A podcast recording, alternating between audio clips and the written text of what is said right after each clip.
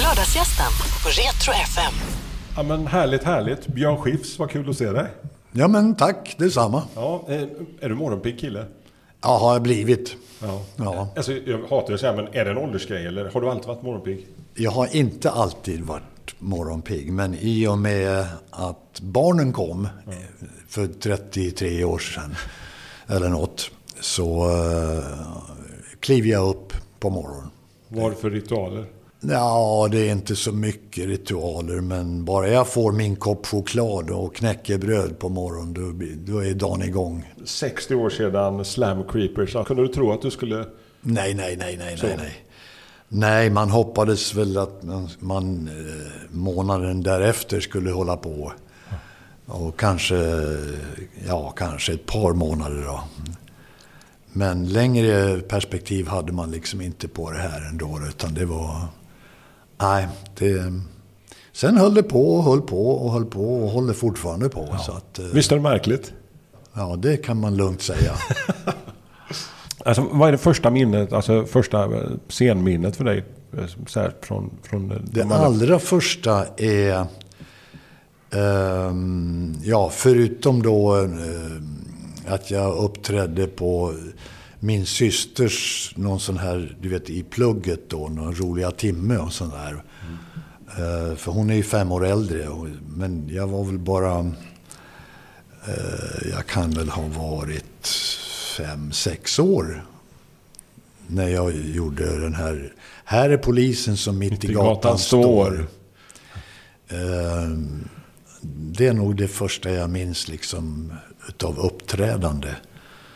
Men sen blev det väl då i pappas revyer och sånt där som jag kunde få vara med någon gång ibland och så.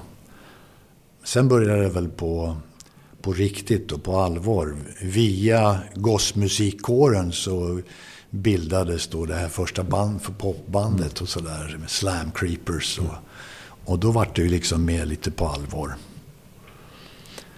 Ja, sen har det rullat på. Vil- Vilken var den första skiva du köpte? Uh, nu ska vi se. Var det Love Me Tender med Elvis? Love me tender, love me sweet. Det kan det ha varit. Eller också... Eller också var det... Nej, Bill Haley, Rock around the clock. Det var nog syrran som köpte den. Men du snodde den från henne? Så. Ja, det Typ så. gjorde jag. Ja. Alltså, man måste göra axplock för det känns som att det, det har hänt så mycket under de här 60 åren Björn. Jo. Eh, Och jag landar ju i där jag lärde känna dig först. Det var ju Pinewood Rally-plattan, Blåblues. Brorsan hade köpt hem den. Och där stod ett gäng med skinnklädda karlar som såg mystiska ut. ja. Pinewood Rally.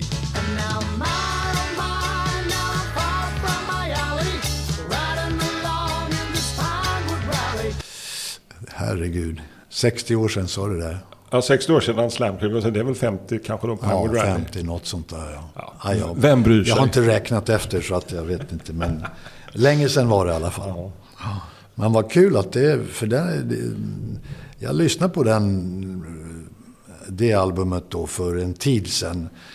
Av någon anledning. Jag brukar inte lyssna på mina gamla plattor och sådär. Men det var det att jag skulle hitta en låt och, i något sammanhang där. Och då, då, då lyssnade jag på hela albumet. Och faktum är att så eh, eländigt var det inte. Men jag tänkte, vem, vem kom på omslaget? Alltså det har jag alltid undrat över. Alltså, det, Det var ju jag och Bengt då. då. Vi, vi, eh, Palmers då, som producerade plattan där då. då.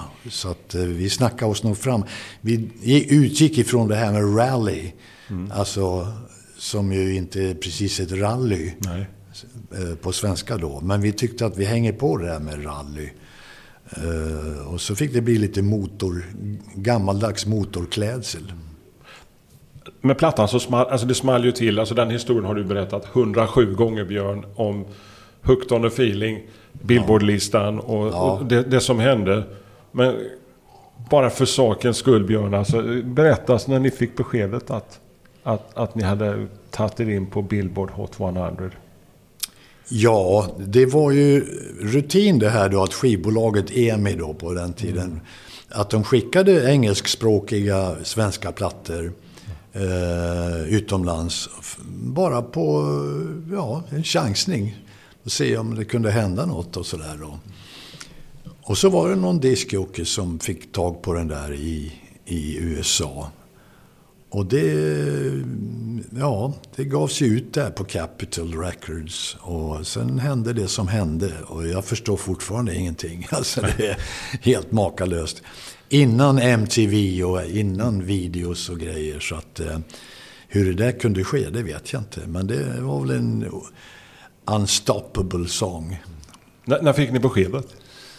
Ja, det var ju ganska tidigt. Redan när den låg då runt Hot 100, alltså den låg på hundrade plats eller något sånt där, fick vi väl någon slags besked. Och Bengt då, Palmers, han hade ju superkoll på det där då, och kontakt med dem hela tiden. Och, och, och kom med rapporter till mig då eh, om hur den klättrade. Fem eller tio placeringar per vecka och sådär. Och det tog ju sin tid innan den innan den eh, låg på översta toppen där. Men eh, alltså, det var ju osannolikt hela resan där. Då. Och, och när den sen då, som sagt var, låg i toppen, då, då kändes det som att vinna OS-finalen i någonting utan att träna. Eller hur? Ja. Vem kom på? Hugga Shaka. Det, det snodde vi eh, embryot till i alla fall då. För att det, den här låten var ju inspelad av en engelsman tidigare som hette Jonathan King. Och han hade något, något konstigt sånt där, eh, eh, någon sån här indian, Indian tribe war call. Som lät ungefär så, men inte alls lika tufft som vi ville att det skulle låta.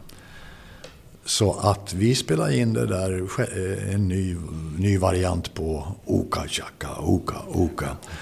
Och eh, hade ju ingen aning om genomslagskraften i den där lilla ramsan. Alltså, tänk du har gjort hur mycket som helst Björn under en sån fantastisk makalös karriär. Och det du blir ihågkommen för är Hugga Shaka. Ja, ihågkommen för det och att jag glömde texten. Jag tänkte inte ens ta upp den idag men eftersom du gör det så... Ja, ja, ja. Ja. ja, och det kommer väl att stå på min gravsten, antar jag. Han som glömde texten i Eurovisionsschlagerfestivalen. Det blir alltid värre framåt natten Du säger Bengt Palmers, alltså, så det är också ett namn som mig är förknippat med 70-talet och producerat en otrolig massa musik med så många. Så vad har du för fint att säga om Bengt och när sprang ni på er först, varandra första gången? Ja, han, var, han eh, fanns ju med då när man var ute och spelade på klubbarna där. Så dök han upp lite då och då. Och eh, jag visste ju inte vem det var på den tiden, men jag förstod att han, eh, han jobbade på, eh, de, deltidsjobbade på radion. Och, och dels jobbade han också på ett skivbolag som heter Olga. Eh, ja, hur som helst, han, han blev förtjust i min röst, har han berättat. När jag skulle, jag var ute och letade och sökte skivbolag, nytt skivkontrakt och sådär och eh, hamnade på, på EMI. Och där var Bengt då sån här staff producer som det heter. Alltså, eh, han, var, han var fast anställd där som producent. Ja, så tussades vi ihop av en slump mera. Och vi fann varann. Det, det blev en brorsa till mig på en enda gång. Och sen hade vi ett par decennier där vi jobbar mycket, mycket och faktiskt ganska framgångsrikt. Du, eh, alltså, vi hoppar vidare rakt in i 80-talet och lite melodifestivaler. Du nämnde en av festivalerna. Fyra festivaler har du hunnit bli, varav två har du vunnit Björn. Alltså, Ja, har du fått bra facit. Ja, har, har, har, du, har, har du fått frågan igen om du, du skulle vilja? Ja då, det har kommit. Inte de senaste åren. För nu vet de att jag är... Nej, det är tvärnit där för, från min sida. Så att jag har gjort mitt i den här karusellen. Men eh, innan dess så eh, kom det frågor lite titt och tätt sådär. Både från låtskrivare och från eh, SVT. Då, då. Såg du Mello här nu i Nej, veckan? jag såg det inte. Men, eh, Eller Eurovision som det fint heter. ja. Nej, jag såg inte det. Men det är, det är roligt för Loreen. Absolut.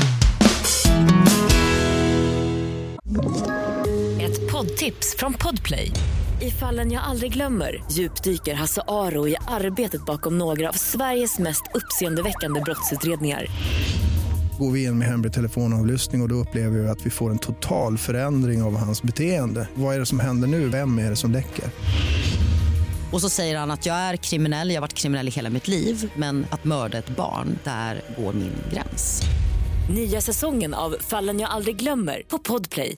I nästa år så är det ju 50-årsjubileum för ABBA Waterloo. Det är Ja. 40-årsjubileum för Diggiloo Diggiley. Och så ska det ju säkert göras någon pompös historia. Om du skulle få frågan att göra en mellanakt, Björn. Hade du ställt upp tror du?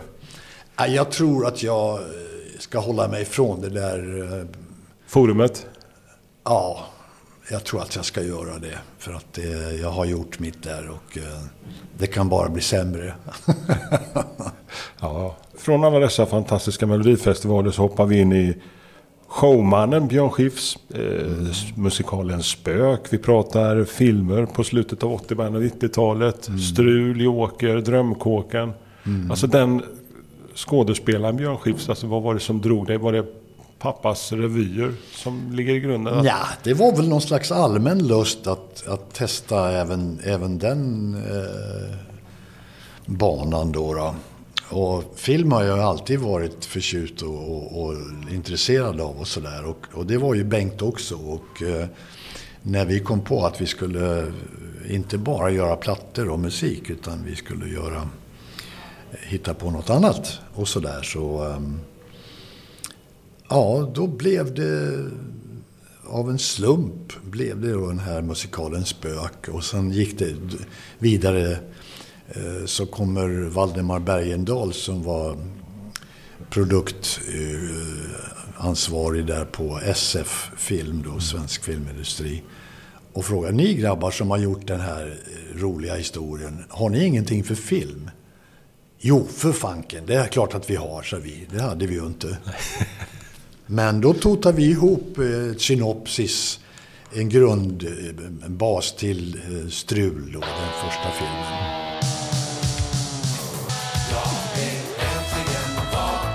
Och eh, den slog ju över all förväntan. Alltså, det var ju helt fantastiskt kul. Och då fick vi chans att göra en till och en till. Och, och så där höll det på bara. Och sen var du tv-rutan nästan varenda lördagkväll. Eh, kryssade Ja, med och- kryss ja. Och nö- nöjesmassakern. Ja då, jo för sjutton. Nej men det var ju så på den tiden att, att eh, jag högg på allt. Jag tyckte det var så kul allting och eh, spännande och alltid lär man sig något tänkte jag och sådär och eh, ja, det kanske blev lite väl mycket ibland. Jag, vet, jag har hört, Phil Collins berätta i intervjuer från 80-talet att han sa liksom att jag var lite överallt liksom så det var, gick inflation i Phil Collins. Alltså kände du att det var lite Ja, inflation? lite så alltså. Det, man ska nog ta det lite lugnare och sådär och inte. Men jag, jag var så sugen och hungrig på det där så att eh, jag högg. Absolut. Och sen några fantastiska somrar på 80-talet med badrock. Som, alltså du blev ju den som drog igång de här stora sommarturnéerna. Föregångare till Rocktåget och allt annat som kommit sen. Mm, jo, efteråt. förvisso. Och det där var ju någon gammal idé som jag hade fått då i, när, när jag såg en film som heter Mad Dogs and Englishmen. Som handlar om engelska och amerikanska artister som är på turné. Och lever liksom lite campingliv och lite sommarliv och bad och fiske och hundar och ungar och grejer.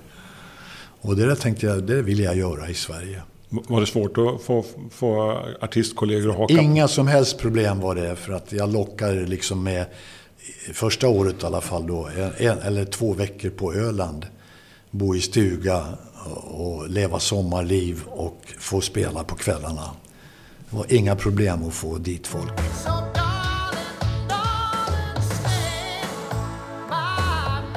Sist nu då här och det som därför du är här idag. Eh, en värld av skifs. Jo, men Eller- alltså det, man måste ju samla ihop sig och se vad, vad var det jag höll på med egentligen. Vem kom idén till, en värld av skift från början? Ja, namnet kom ju från börsen, ledningen där då. Eh, och då föll det sig naturligt att det blev en, en blandning mellan gammalt och nytt. Och prat och sketcher och musik och pantomimer och uh, massa eh, knäppa påhitt och sådär. Och eh, en värld av skift, det är ju liksom en påse med såna här olika karameller. Hur väljer man ut? Ja, det är ju det svåra. Vem är det som, någon, har, du, har du haft någon som har valt ut åt dig? Eller? Ja, jag har jobbat med den här föreställningen och eh, massor med föreställningar ända sedan år 2000. Så har jag ju jobbat med min fru, Pernilla. Både som idéspruta och eh, regissör har hon fungerat. Och eh, gör så fortfarande. Och eh, ja, Ja, vi har tillsammans totat ihop det här helt enkelt. Är det hon som får knuffa dig liksom säga att "Aj, jag vet, du ska vara lite så här, spela lite hard to get och sen säga men det är klart du ska göra det här Björn. Eller hur funkar det? När det kommer en kläck som sån här idé så. Ja, nej, men vi tar ju upp det och disk- jag diskuterar ju med henne. Vad, vad tycker du? För hon vet så bra vad jag kan och inte kan. Vad jag bör och inte bör. Så där som jag själv inte riktigt har koll på annars. Så det är bra. Ehm, Så att det blir gemensamma beslut oftast. Första gången du kommer med en krogshow till Malmö. Varför har du dröjt så förbaskat länge Björn? Ja du, jag undrar det ja. Ja. Men ehm, Du har ju bott på Hamburger Börs nu de sista 40 åren. Tänkt känns som. Ja, nej, men där, där har det blivit några gånger som sagt var.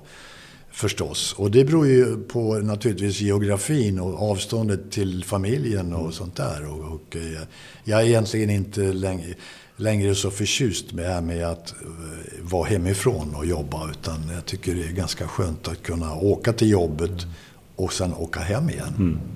Alltså, det, det måste vara en, en liten ynnest för att det tar ju, alltså de där år, om du tar tillbaka till de här åren när du låg ute på rull med blåblus. Ja, och- ja, herregud. och- Jösses, jag förstår inte hur man stod ut egentligen. Men det hade sin charm. Det var, det var ju kul. Det var ju ett gäng grabbar som hittade på saker.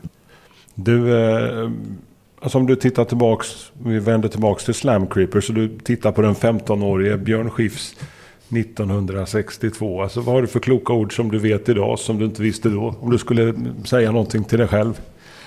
Kör så det ryker. ja, nej, jag, har, jag, jag vet faktiskt inte. Det, de har försökt att få mig att, att eh, komma med kloka råd till yngre artister och sådär, men jag vägrar. För det, dels är det en annan tid nu. Branschen har, eller ja, livet, Ja. tillvaron har förändrats så mycket. Så att nej, varför ska jag komma dragandes med några sådana tankar? När du inte kör krogshower, när du inte eh, jobbar med lite andra projekt. Vad, alltså, hur ser en helt vanlig dag ut? Alltså, vi var inne när vi började här med en morgon, morgonchoklad och en, Ja. en macka. Alltså, men, hur, vad fyller du Ja, dagarna med? nej, men numera så gillar jag, jag brukar säga det att jag, jag gillar att drälla. Alltså gå omkring hemma på gården och, och tälja på en pinne eller... Ja, det finns alltid något att pyssla med. Så det finns ju att göra och sådär. Men jag har inga, inga rutiner, inte ens lösa rutiner sådär. Utan det, jag tar dagen som den kommer och kan blanda mellan att läsa en bok och, och lyssna på en låt eller eh, gå ut och klippa gräset eller eh, ja. och- Och jag är väldigt vanlig. Jag lever som en väldigt, väldigt vanlig man. Ja, men vad härligt. Alltså, när man börjar uppskatta vardagen, och vardagen är ju fantastiskt rolig och underbar. Absolut, absolut. Så kan man sen varva den med lite glamour på, turné, Ja. på du vet, såna här scener och saker och lite high life. Men eh, då är det ju toppen. Men så längtar man hem till gården i alla fall. Är du händig? Inte det minsta. Jo, det minsta i så fall. Ja. Det såg vi ju i Drömkåken inte minst då va? Ja, ja, nej men det är lite självupplevt. Ja. Men eh, kanske något lite händigare är jag nog ändå. Köket, är det matlagare, passion? Ja, husmanskost. Ja. Björn Skifs, alltså det, vi skulle kunna hålla på i ett par dygn. Alltså, Ja, kanske det. Ja. Eh, Jag är otroligt tacksam att du tog dig tiden. Och vi ses i höst Ja. på Amiralen. Ja, absolut. Mm. Då kommer vi få uppleva en helt värld full av skifs. Jajamän. Lördagsgästen på Retro FM.